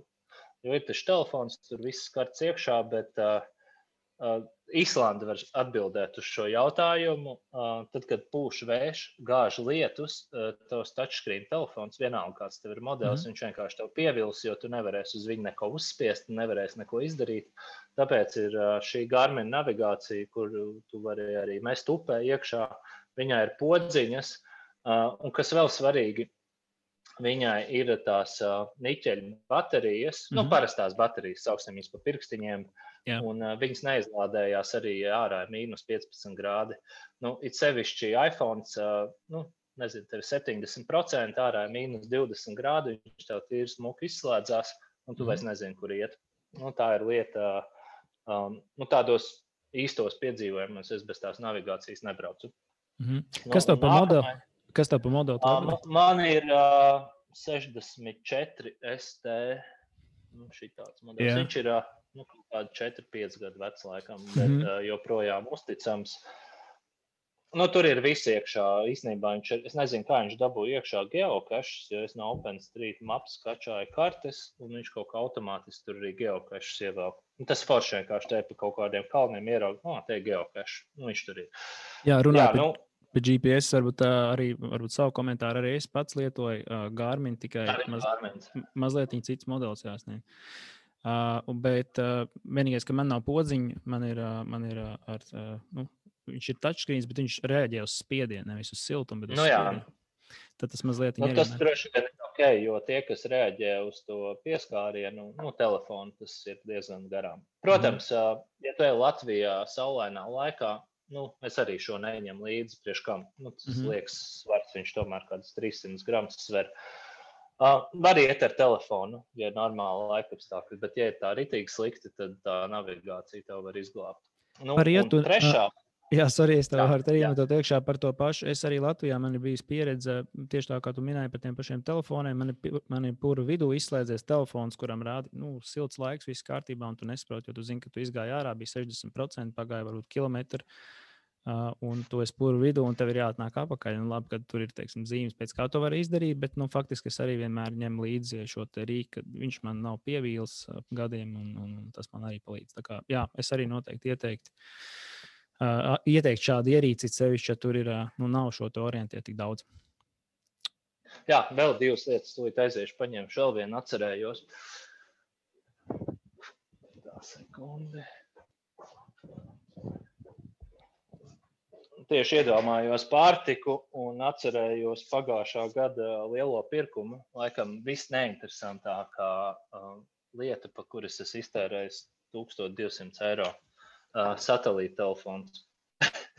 Respektīvi, nu, braucot uz Arktiku, uh, nu, bez satelīta telefona tur nav zonas. Un tur ir mhm. liela iespēja, ka tu satiec polāru lāci. Nu, tur diezgan ekstrēmas situācijas var sanākt, un tu nevari izsaukt glābējus. Un, jā, un tad mēs uh, pirms pagājušā gada brauciena nopirkām satelīta telefonu. Viņš ir tieši tik interesants. Atloka antena, mm -hmm. uzspied ieslēgties, un tev ir zona, uh, un tu vari piezvanīt. Okay.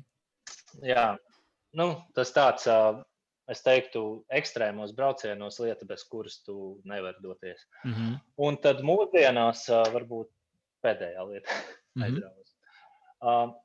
Powerbanka. Par to es īstenībā gribēju parunāt, jo daudziem cilvēkiem liekas, nopirkšu par 20 eiro powerbanku, un tur taču ir ritīgi, viss kārtībā. Mm -hmm. Es arī tā darīju, es nopirku trīs powerbanks par 20 eiro, līdz man septiņreiz pievīla. Un tad es nopirku normālu powerbanku. Ko redzēt, man tādā maisiņā, maisiņš ir ļoti padzīvojis, jo viņš ir bijis visās mugursomās un arī ikdienā līdzi. Uh, Rauda powerbanka. Mm -hmm. Viņai 26,000 ietilpība, maksāja kaut kādi 100 eiro, bet viņai man ir trīs gadus un joprojām strādā kā jauna. Ar to es gribēju teikt, ka uh, nedrīkst ietaupīt powerbankām. Nu, vienkārši tu labāk vienreiz nopērts kārtīgi nekā trīsreiz vilies mm -hmm. lētās powerbankās. Jo mūsdienās um, tomēr viss ir jālādē. Tas pats GoPro, nezinu, telefons un, un vispārējais. Tāpēc, jā, powerbank ir svarīga lieta. Cik viņi sver? Cik viņi sver? Nu, nu, es teiktu, viņi sver kādus 400 gramus. Nu, viņas nekad nav vieglas. Tur laikam nav izdomāta kaut kāda baigā tehnoloģija. Tas arī īstenībā traki, jo tev ir matricīts, kas sver 200 gramus, tev ir viegla soma, tev ir viss, un tad ieliec vienkārši kārtīgi powerbank, un viņi sver tikpat, cik tavs matracis un, nezinu, puskuļamais. Uh, Bet piekrīt, nu, vajadzīga lieta, jā, protams, ir ceļš daudz dienu gājieno, gājienos ejot. Mēs droši vien tik ļoti esam pieraduši pie visādiem gadgetiem, ja mums to gribās visu kartes filmēt, nu, vēl nesko maršrutēt. Tā, tā, tā. Nu, jā, tad tas sanāk. Tā kā, bet uh, laba lieta. Uh, tad jautājums varbūt mazliet Latvijas izaicinājumu pieskaroties, nu, tikko pats pieminēja, mhm. tad uh, varbūt tu jau it kā ieskicēji, kas tas ir. Uh, varbūt mazliet pastāst par to, ar ko jārēķinās tiem dalībniekiem, kas tur gribētu piedalīties. Un, un ne, nu, ko viņi var sagaidīt, vai mazliet par to formātu, tie, kas varbūt vispār, kas tas ir, pirmā reize izdzird. Es laikam iz, izskriešu cauri, kā tas radās. Mm -hmm, es nezinu, okay. es izstāstīju vai nē, un tad uh, ko sagaidīt. Mm -hmm. uh, respektīvi, tad, kad martā turismam uh, vienkārši izslēdz ofu slēdzi, mm -hmm. es sapratu, ka ir kaut ko jādara. Un, uh, var taisīt pārgājienus attālināt. Nu, nu jau es esmu pamanījis, ka uh, tam trendam uh, gribētos teikt, ko es aizsāku, jau ir daudzi uh, nu, līdzvērtīgi produkti radījušies Latvijā. Respektīvi, es uztaisu maršrutu, piedāvāju. Latvijas izaicinājums ir 12 pārgājienu seriāls visā Latvijā. Katrā novadā pa trīs pārgājieniem un viņi visi ir veicami jebkurā dienā, sev vērtā laikā ar manas izstrādātiem maršrutiem, manas komandas izstrādātiem maršrutiem. Noejot vienu posmu, dabā ir izvietotas norādes, uz kurām ir paroles daļa. Tu atrod šīs norādes, un tu vari ar šo paroli atvērt nākamo posmu. Tā tas bija 2020. gada izaicinājumā. Ko sagaidīt no viņa? Es teiktu, ka pilnīgi visu Latvijas nu, labi, raibo dabu nē, bet sākot ar kārtīgu purvu, kūdras purvu, mežiem, smilšainām kāpām, brīdienu līdz celim. Tā, tā ir pašā laikā ir takas un skaisti apskats objekti, respektīvi tie visi ir 25 līdz 35 km gari pārgājieni, kas ir apaļveida, kas ir forši, tu vari atbraukt ar mašīnu un atgriezties mm -hmm. sākuma punktā. Mm -hmm. Bet vārds izaicinājums droši vien būtu tas, kuru vajag kritiski izvērtēt, jo viņi nav viegli. Tas nebūs pārgājiens no Siguldas līdz Līgatnei pa taku. Vienkārši viņa 30-40% būs grūti veicama posma. Mums bija Un tāds viens no leģendārākajiem 20. gadu posmiem bija Ogra, kur 70% nu, kangarkalns sanāca 70% brīdi pa mežu vai pa purvu. Un bija pat bildes, kur cilvēki pēc 33. km sasniedz kangaru uh, purva laipu.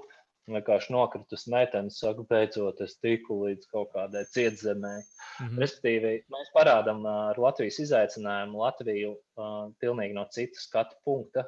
Uh, nu, tādu, mēs liekam cilvēkiem ieiet mežā tādās vietās, kur varbūt viņi nekad neiet, ja mēs viņiem to neliktu. Mhm. Pagājušajā gadā bija ļoti interesanti. Nu, mēs posmus taisījām pavasarī. Viens no tiem bija Krāslavā gar Daugaus malu. Un, uh, pavasarī tur bija neliela zāle. Uh, vasarā tur bija divi pusi metru garas, uh, nepārspīlējot nātris izaugušas, ka tu izstiep rokas uh, augšā un uh, viņas joprojām ir. Un, un un, un, un cilvēki gāja caur tām nātrēm. Nebija variantu. Nebija variantu, jo tur bija jāiet, un, un Jā. reimatisms viņiem nebūs. Respektīvi, nu, šogad, taisot 2021. gada maršruts, mēs varētu teikt, arī mazliet mācījāmies no pagājušā gada, neteiktu kļūdām, bet nu, prognozējām uz priekšu, kas varētu notikt ar Latvijas dabu, kad iestājās pavasaris. Mm -hmm. Tāpēc 21. gada maršruti ir daudz labāk izbalansēti starp tādu ritīgu brišanu un arī došanos pa takām. Nu, tā vismaz man gribētos domāt. Bet, nu, jebkurā gadījumā, ejot viņus, viss ir atkarīgs no tevis. Ja tu iesi ar domu, ka tev nepatiks, nu, tad tev nepatiks. Bet, ja tu mm. iesi ar domu, tu atklāsi, piedzīvosi, uzzināsi vienkārši superīgākie, kolosālākie maršruti. Man pašam pat bija, nu, mēs esam uztaisījuši tādu septiņus posmus, kopā ir 12. Pagājušajā gadā, kad es uztaisīju 11. posmu pirms ērgļu fināla, man bija tāds iekšējs sentiments. Es braucu no Daugaupils mājās, un kur man tagad iet un ko darīt? Es esmu, nu, tā kā to darbiņu es esmu izdarījis, tagad nu, turpinu pārdot, uh, organizēt, nezinu, tur intervijas, bet uh, bāc, tas ir beidzies. Un, mm. uh, es gribēju, lai arī šī sajūta, kad tu noeji, tev tā pēcgarša, ko man tagad darīt. Tev vairs nerāda ceļu, tu nezini, kur iet. Mm -hmm. Un tas bija tik, tik arī man, kā organizatoram, bija tas pievienotā vērtība, kad es sajūtu, nu, es dzīvoju kopā ar visiem tiem dalībniekiem. Mhm. Un to arī varēja sajust, manuprāt, turismu saldojumā, kad nu, tā mīlestība, ko cilvēki nu, deva apakaļ par, par tiem maršrutiem, par atsauksmēm. Nu, es laikam nesaņēmu nevienu negatīvu komentāru mm -hmm. nu, par, par, par visu to, kas, kur cilvēkiem bija jāiet. Visi tieši saprata to, kā tam jābūt. Un kā būs šogad, nu, mēs nesēžam uz veciem lauriem. Ir uztaisīta Latvijas izaicinājums LV mājaslapa. Mm -hmm. um, un um, būs arī nu, nu jau pēc divām, trīs dienām droši vien, kad podkāsts ies gaisā, viņa jau būs pieejama aplikācija uz iPhone un App Store un, attiecīgi, Android telefoniem posmas aplikācija, ar kuru tu varēsi navigēties cauri. Respektīvi, mums pašiem būs sava navigācijas aplikācija, ar kuru tu varēsi doties Latvijas izaicinājumu maršrutos, un perspektīvē arī mēs tur taisīsim citus piedzīvojumu maršrutus Latvijā. Un iespējams tas būs ienākošajam turismam, kā platforma, kur nezinu, atbrauc Zviedru turists uz Latviju. Viņš grib īstu pārgājienu, bet viņš negrib uh, varbūt ņemt kaut kādu gidu. Viņš nopērk par 5 eiro maršrutu, mm -hmm. aizbrauc uz Latviju un dodas mežā, nu, pats ar šo navigāciju. Mm -hmm. Nu, tas tāds varbūt mazliet par nākotni. Mm -hmm. Bet jā, Latvijas izaicinājums LV ir tas, ko tu, Latvijas turismā ir jāzina 2021. gadā. Gribētu tā domāt. Kā ir ar reģionu? Viņš noklāja visu Latviju, šie 12 posmi, vai tur ir koncentrācija kaut kādā vienā novadā? Uh, nē, katrā novadā, nu, respektīvi, kurzemē, vidzemē, mm -hmm. Latvijas zemē, katrā būs lielie, jā, katrā jā. būs uh, trīs posmi. Uh, un, un, un uh, pirmie trīs būs uh, vidzeme, attiecīgi pierīga un tuvāk ainažiem, lai neatklātu, kas ir tie maršruti. Un nākamais reģions būs Latgale. Pagājušo gadu Latgale bija pēdējais reģions, kas ir pirms fināla, tad šogad viņš būs otrais. Mm -hmm.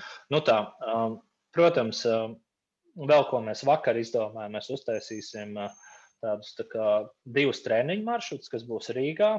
Viņi nebūs īsti saistīti ar Latvijas izaicinājumu, bet uh, ar tiem tu varēsi aizbraukt uz pierīgas mežu un doties pārgājienā, lai saprastu, kā strādā aplikācija, un lai nav tā, ka tu aizbrauc uz Latvijas mežu un nesaproti, kā tur doties. Jā, nu, kaut kas tā, neiet. Jā. Nu, kaut kas neiet, nē, jā. nesaprot. Nē, aizbrauc uz Rīgu, uz kaut kādu pierīgas mežu. Mums būs divi maršruti. Izstaigā, viss saprot, un tad jau tu zini, ar ko tev rēķināties. Nezinu, vai tur telefonam to pašu powerbanku labāk vajag. Nu, tā. Jā, tīri teorētiski es saprotu tā, ka, piemēram, Tā kā es sapratu, ka iepriekšējā posmā tu saņem paroli uz nākamo, tad ir teorētiski plānojot cilvēkam šos braucienus. Viņš teorētiski varētu izdarīt tā, ka viņš ierodas uz Latviju, iziet trīs pēc kārtas, un tad pēc tam Jā. atgriežas mājās un, piemēram, atkal ierodas. Nu, tas ir tīri, lai loģistikas dēļ, ja, piemēram, mēs esam šogad, pagājušajā pagājušā gada pirms aplikācijas mums bija tā, ka tu varēji atvērt uh, Tu noej vienu posmu, tu atver nākamo. Jo mums nebija aplikācija, mēs taisījām uz failiem serveri izvietotas mapītes, kurai katrai ir parole. Mm -hmm. Šogad mēs vērsim vaļā katru reģionu. Visus, piemēram, sākusies 1. janvārī pārgājienu, tu redzēsi uzreiz visus reģionu posmus, lai tu varētu izplānot savus brīvdienas. Jo cilvēki, protams, viņš no Liepājas un brauc uz uh, Daugaupili, mm -hmm. nu, tad viņš grib vienkārši paņemt trīs brīvas dienas, iziet visus maršrutus un kaut kur nakšņot lai cilvēki varētu nu, plānot. Nu, jā. Īsnībā šis varbūt pat ir tāds, nu, man gribētos domāt, ka tāds Latvijas turisma mazliet glābšanas produkts, kad ok, mēs kā organizatori, protams, nu, kaut ko nopelnām, tas nav noslēpums, lai mēs vispār kā postnas spētu dzīvot, nu, mums Loģiski. kaut kas ir jārada. Jo, nu, principā mēs nu, no marta jau nekas tāds cits nav baigi noticies. Bet kāpēc glābšanas? Jo notiek iekšējā kustība. Mm -hmm. visi brauc uz Latviju, viņi taču kaut kur ēd, viņi paliek attiecīgi, ja tie ir tūkstoši dalībnieki. Tad viņi visu laiku paliks kaut kādos vietējos viesunamos. Nu, varbūt vienam tas ir patīk pat 200 eiro naktī gulēt, mm -hmm. citam pat 20. Bet, principā, viss reģions ir ieguvējis. Nu, principā, viss Latvijas, gribētu teikt, ir kaut kādā veidā turisma sektors ieguvēji, jo nu, cilvēki pirks tos vietējos pakalpojumus, kas Jā. ir pastarpināti ar Latvijas izaicinājumu. Hey. Nu, tā. Nu, pieņemsim, tu man esi intriģējis.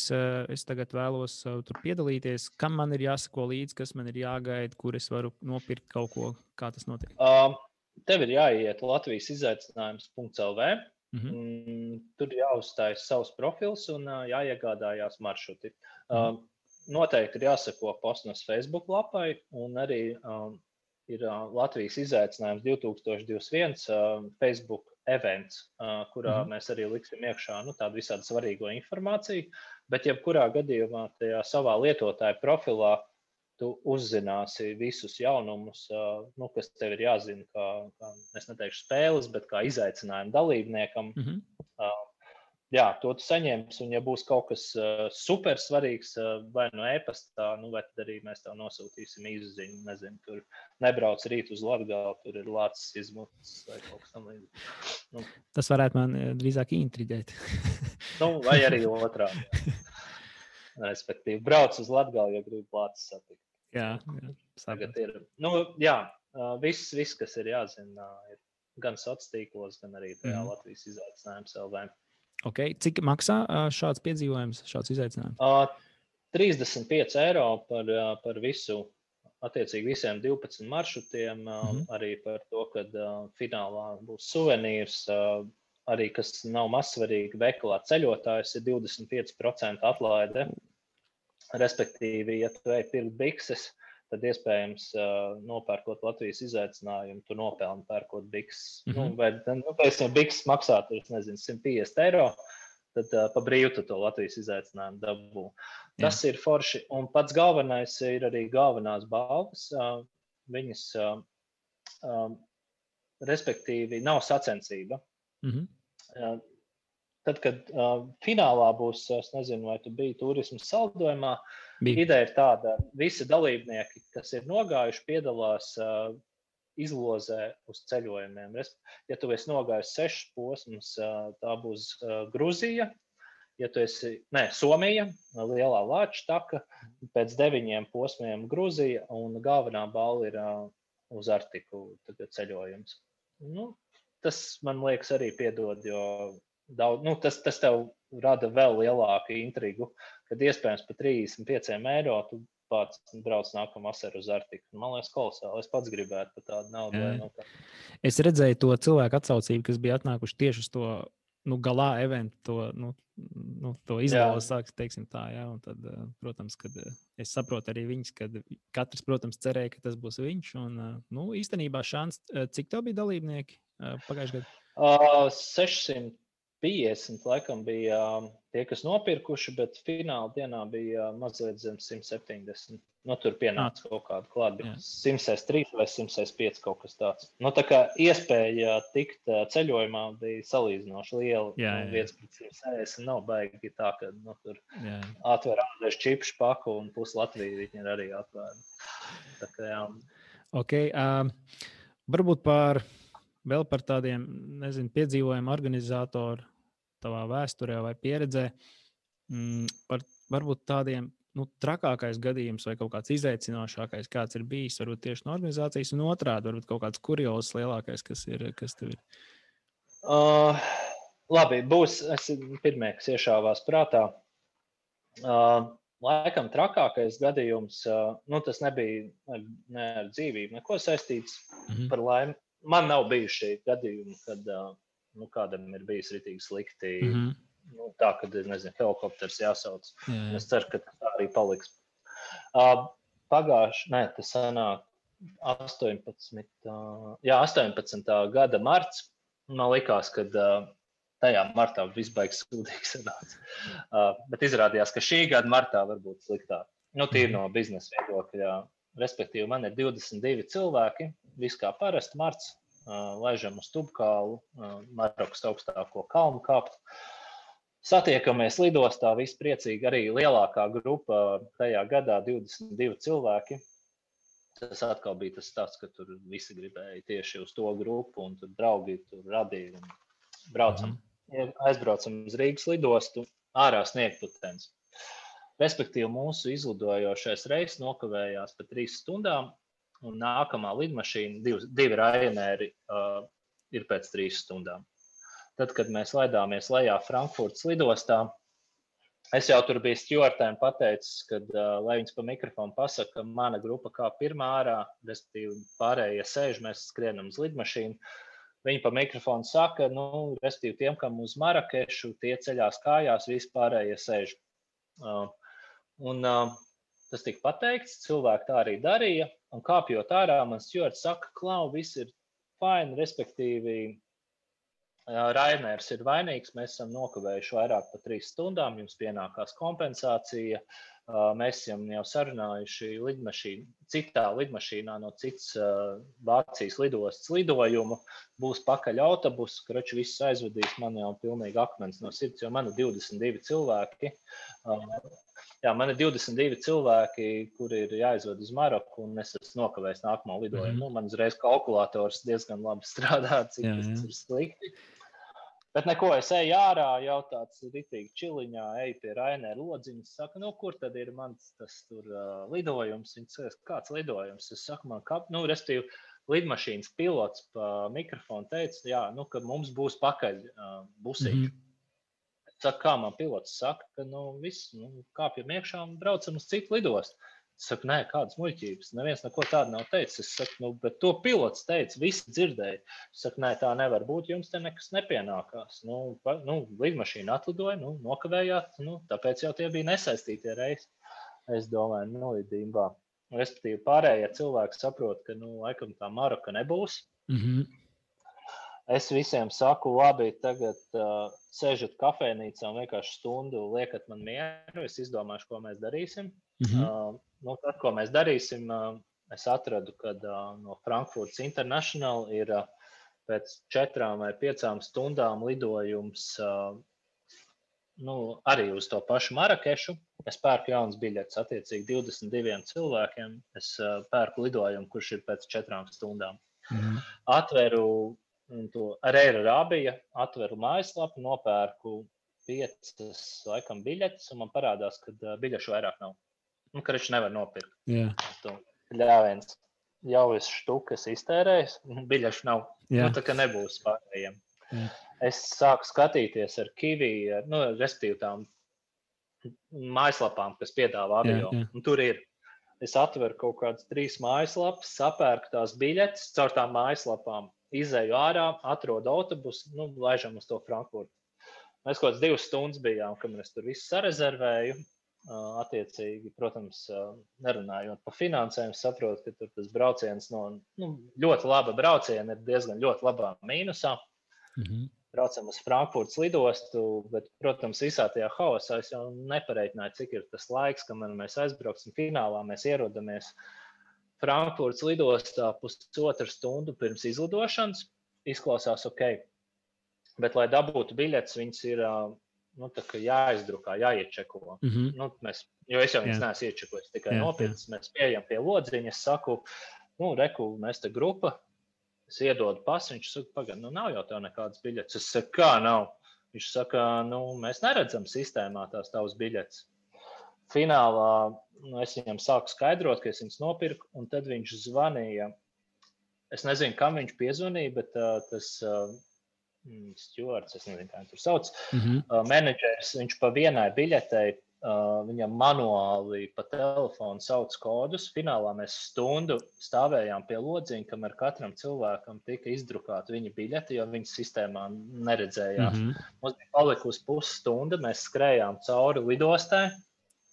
Un principā bija tā, ka mēs pieskarējām pie drošības pārbaudas un jau saka, nu, ka reči, Tad jūs kāpjat iekšā vai nē, vienkārši ielicām lidmašīnām. Bija, kas vēl, protams, braucot uz kalniem, mēs nu, šādi tad paņemam, nu, labi, nevis šādi tad, bet parasti paņemam nu, kaut kādu, es nezinu, 0,5 tilpumu, ar ko sasildīties vakarā, mm -hmm. sevišķi martā. Viena meitene paspēja nopirkt vienu litru, laikam, ko Jack Daniel. Mēs ielicam uh, lidmašīnā. Es domāju, bāc, nu, nu, ka tā diena bija tik nenormāli stresains. Domāju, man pirmais vienkārši ir lūdzu divas rumkolas. Nu, apmēram, nu, vienkārši jā, kaut jā. kāda antidepresantu, jo viss mēs esam iekšā lidmašīnā. Es apsēžos, pienāks stūrts, saka, tā man divas rumkolas. Nu, nu vienalga, cik maksā. Viņš saka, nē, nē, eira rābija, uh, tur nav alkohola. Jā. jā. nu, tā, ka es visu nu, to pēdējo pusstundu domāju, kā tu tūlīt to stresu vienkārši ar divām runkolām nodzēsīs. Nē. Jūs varat kuskus dabūt. Uh, kuskus apēst, kuskus. Uh, ielidojām Marakešā. Es visiem saku, viss fine, uh, tur ir taksfree. Uh, nu, tāds pēdējais, kurā var kaut ko nopirkt. Uh, mm -hmm ārā no tās drošības kontrols un uz to taksfrīdu tieši aiztaisīt ciet. Mums galā arī tur nekā nav. Nu, neko bija ritīgi labs retrīts. Mums uh, bija vienam vakaram katram 50 gramu, ar ko sasildīties. Mm -hmm. uh, kas ir tas varbūt uh, labākais? Ja tajā mirklī man likās, ka uh, nu, ir baigais ielidojiens, tad uh, pilnīgi visi tie 20 cilvēki ar mums jau ir aizbraukuši kaut kur divas vai vienu mm -hmm. reizi, kā nu kurš. Viņi ir tik daudz, es teiktu, pozitīvas atsauksmes devuši par to, ka viņi redzēja, kad, nu, kad es izdarīju maksimumu, lai viņus dabūtu tur, kur es solīju. Mm -hmm. un, jā, un laikam nu, tik tādu sirsnību un atsaucību tu pa naudu nevar nopirkt. Mm -hmm. nu, kad, kad tas, nu, principā, loģiskākais būtu bijis uh, kāpt autobusā un vienkārši braukt atpakaļ uz Latviju. Varbūt man tas pat lētāk sanāktu vienkārši atdot naudu, ok, es kaut ko zaudētu, to avio biļešu cenu un nebrauktu uz to Maroku. Bet nu, mēs aizbraucām. Mm -hmm. uh, tāds kuriozākais varbūt bija mans otrais brauciens arī uz Maroku. Sēžu, kas nāk prātā. nu, labi, es nezinu, vai var stāstīt. Nu, labi, nav jau zinām personāli, bet viens džeks uh, aizbrauc. Uh, man brauc uz Maroku janvārī tajā pašā, kad bija tas sniegputens viņš atnāk uz lidostu. Es, vis, es taisu grupu sapulces, es izstāstu visu, ko vajag līdzi, kādu somu. Džeks nāk džemperī un tādā nu, baigā, tā kā tev tagad ar kapucīnu. Yeah. Nu, tādā. Yeah. Un uh, Luisa Viltona rokas somiņā. Nu, tāda vīriešu sporta somā. Es yeah. saku, kas tas ir, kur, kur tu brauks? Nu, kā uz kalniem. Es saku, bet mugursoma, jaka. Teica, mēs taču uz Maroku braucam, tur jābūt silti. Kad Džeks aizbrauca uz kalniem ar to Luisa Viltona rokas somu, mm -hmm. nerunājot par to, ka uh, tur tā kompānija nenormāli dzēra. Nu, tā, kad uh, es domāju, ka viņa sirdi aizies, mm -hmm. bet labi uznāk tā. Pirmajā dienā tiešām bija ok, bija kaut 20 grādi, un nākamajā dienā bija mīnus 10. Viņš ir tajā džemperī. Mm -hmm. Un uznāk neputens. Viņa vēl tāda bārda, viņam piesauc džempers pie muguras, visa bārda sasalus.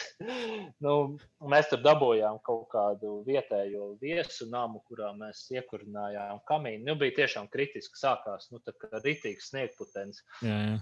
Nu, jā, Džeks pateica, ka nu, jā, brauciens ir super, bet laikam viņam nederēs. Un viņš nopirka vienkārši Es viņam sarunāju no Marakešas, lai atbraucu džipu pakaļ, un tad aizvedu viņu. Viņš nopirka kaut kāds jauns biļets uz kapa verdi, pie basēna patusēties. Jā. Nu, tas tā. Uh, bet nu, viņam, viņam vienkārši nepatika. Viņš, viņam likās, ka viņam patiks, bet nu, viņam īsti nepatika. Bet nu, tādu kuriozi ar uh, interesantiem cilvēkiem ir bijuši daudz, bet nu, laikam es viņus uh, labāk izstāstu pie uguns. Kur. Jā, jā saprotu, izkārtībā. lai, lai ne, nepar, nepas, nezinu, pateikt, nu, lai, lai kāds neatrastu tajā sevi. Jā, nē, nu, protams, protams. Vēl man bija jautājums, kā ir, teiksim, nu, tu daudz dodies šajos piedzīvojumos, pārgājienos. Es sadzirdēju, ka tev ir ģimenes, sieva, bērni. Kā teiksim, ar šīm lietām teiksim, to sabalansēt, vai varbūt sieva un bērni arī dodas pārgājienos? Es jau dzirdēju tavā iepriekš stāstītajā, kad jā, epizodiski, bet kā ir tām lietām? Um, Nu, noteikti ģimenes dzīvē tas, es teiktu, varbūt nenāk par labu, bet nu, tā mana recepte. Es visos jaunajos braucienos ņemu sievu līdzi. Mm -hmm. nu, vismaz 50% jaunajos braucienos. Viņai baigi nepatīk uh, ritīgs augstums, tad uz Arktiku viņa nebrauc līdzi. Uh, bet um, jā, es ļoti daudz cenšos ņemt līdzi sievu. Un, uh, nu, jau kaut kādu pēdējo gadu meita arī uz Grūziju bija līdzi. Es cenšos uh, ņemt meitu līdzi uz Grūziju. Un, uh, varbūt šī gada apņemšanās piepildījās, jo es gribēju braukt mazāk ceļojumos. Uh, tas tāds tā kā anonīmo ceļotāju klubiņš, kad, uh, kad tu brauc katru mēnesi vai divreiz mēnesī ceļojumā, tad tavs sapnis ir nevis braukt ceļojumā, bet nebraukt ceļojumā. Mm -hmm. un, un, uh, jā, tas, ko es gribēju šajā gadā sasniegt, un es viņu sasniedzu laikam par 200%, vairāk būt mājās. Mm -hmm. Mazāk ceļot. Jā. Jā. Tad mēs vainīgi esam atraduši. jā, jā, tā kā es esmu vainīgs, jo man tas sapnis izdevās. Es tiešām biju daudz mājās. Un, mm -hmm. jā, nu, galvenais ir, es teiktu, būt līdzsvarā un neaizmirst par ģimeni un, un maksimāli ņemt viņus līdzi tajos ceļojumos, un, un, un tad, kad tu esi mājās, būt arī jēgpilnā mājās, nevis mm -hmm. tikai mājās, kā mēbelē vai kaut kā tā. Nu tā, bet jā, es ņemu daudz līdzi savus uh, sievietes abas. Mm -hmm. Top trīs lietas tavā bucket listā. Varbūt nesaistīts um, ar ceļu ceļojumiem vai ceļošanu. To, ko vajag izdarīt? Um, Nē, nu, vispār nu, ir parasti katram ir kaut kāds baklis. Viņš ir, nu, jā, es gribu izdarīt to, vai es gribu neizdarīt to, vai es gribu kaut kur aizbraukt, vai es gribu, nu, Kas var būt pirmās trīs, nāk prātā? Uh, pirmās trīs, uh, gribu māju, dzīvoju dzīvoklī, gribu māju. Mm -hmm. uh, es ceru, ka man arī nākošais gads būs māja. Mm, nu, ir lietas, kas jāizdara, lai, lai tas uh, notiktu. Bet, uh, vismaz domu spēkam es ticu, un ir sākusies uh, kaut kāda virzība. Uh, tas, protams, ir sieviešu nopelns, jo tagad sieviete saka, ka viņa grib māju. Tad nu, tu noteikti gribi māju. jo, jo, Nu, es, jā, kaut kādu. Bet īstenībā daudzas lietas, ko es nezinu. Es, es uzskatu, ka man viss ir paveicies. Es esmu sieva kopā ar 16 gadus. Man mm ir meita lieliska. Tās jau, man liekas, ir pakata lista, ko vajag katram cilvēkam, lai tā būtu ģimene. Mm -hmm. Ko es esmu piepildījis? Arī Covid krīzes pateicoties, nopirkām suni. Tagad ir baigi forši ir suns. Mm -hmm. Ko gribās vēl nākotnē? Nu, ceļojumi, jā, bet varbūt tāds mazais sapnis ir aizbraukt uz gadu, padzīvot kaut kādā citā valstī, kas nav Eiropa. Tā varētu būt kaut kāda Āzijas valsts vai arī Jaunzēlande. Respektīvi, gadu būt pilnīgi citā vidē. Nu, tā, mhm. ka tu tur reāli dzīvo, strādā tur. Nu, piemēram, mēs varētu kūrēt posmus arī dzīvojot nu, pieņems. Varbūt Jaunzēlandē būtu grūti, jo tas ir pārāk tālu un stundu mm -hmm. atšķirība. Bet, nu, jā, būt citā vidē, tas ir tāds mazais sapnis. Uh, un vēl viens sapnis, nu, tā, kad man meita izaugs, tad jā, mēs noteikti ar sievu dosimies mazliet apceļot pasauli.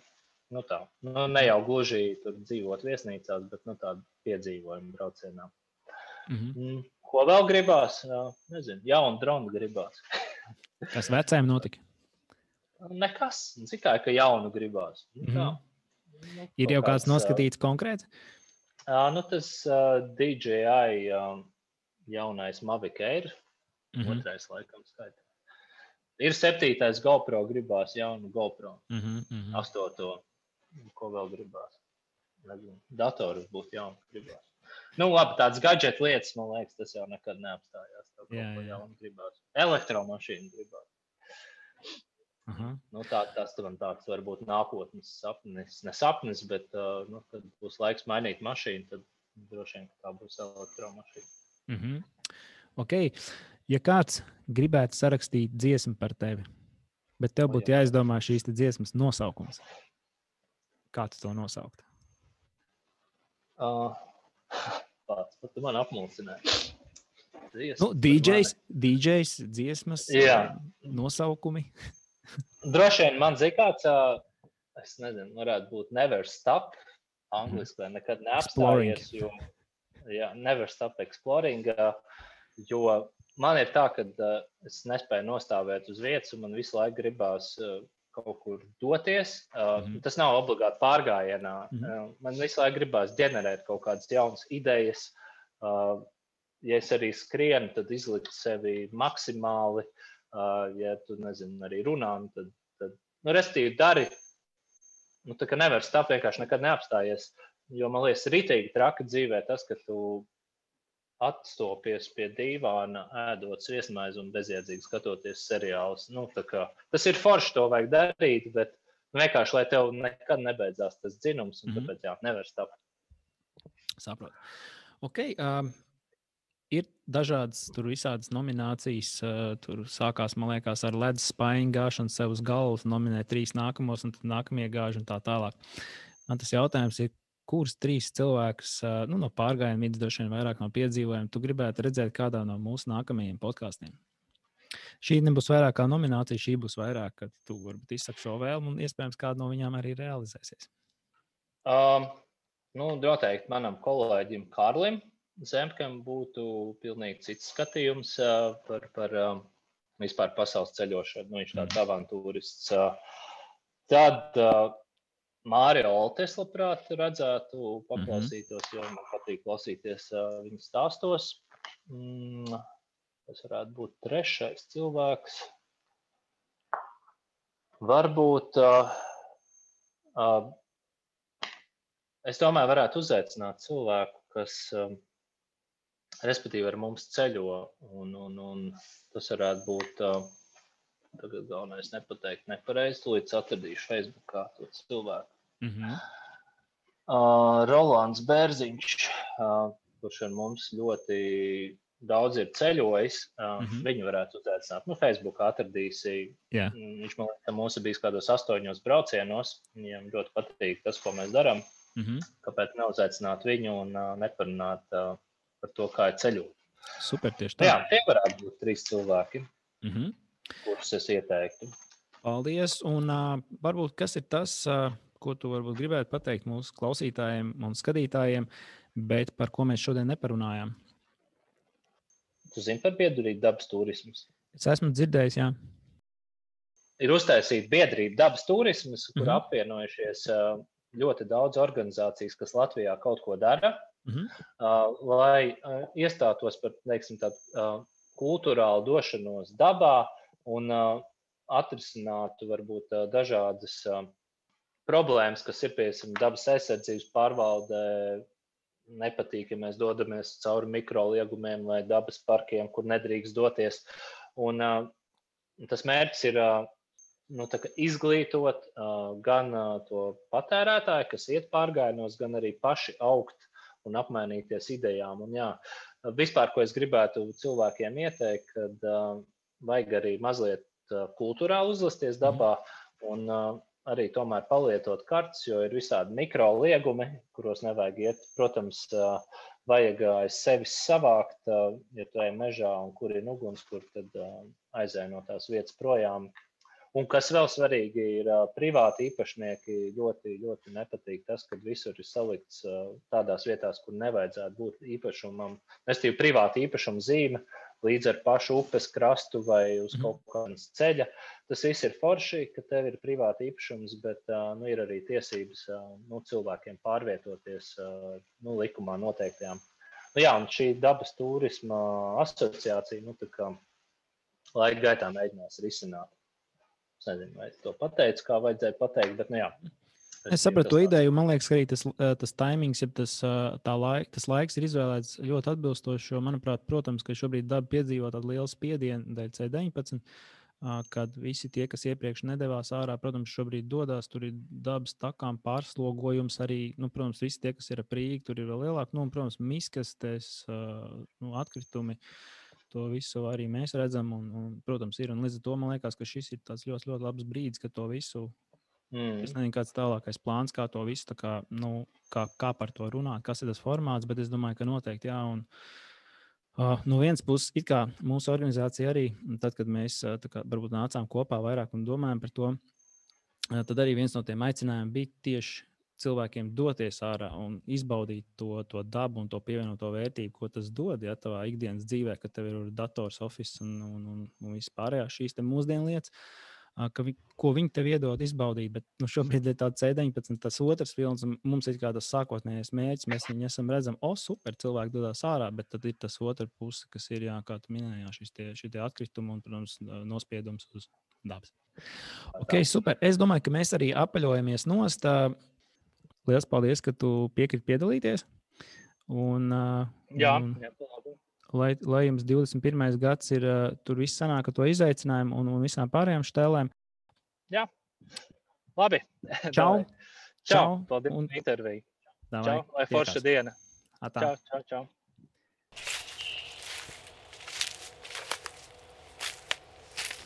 Nine Hills Adventures podkāsts.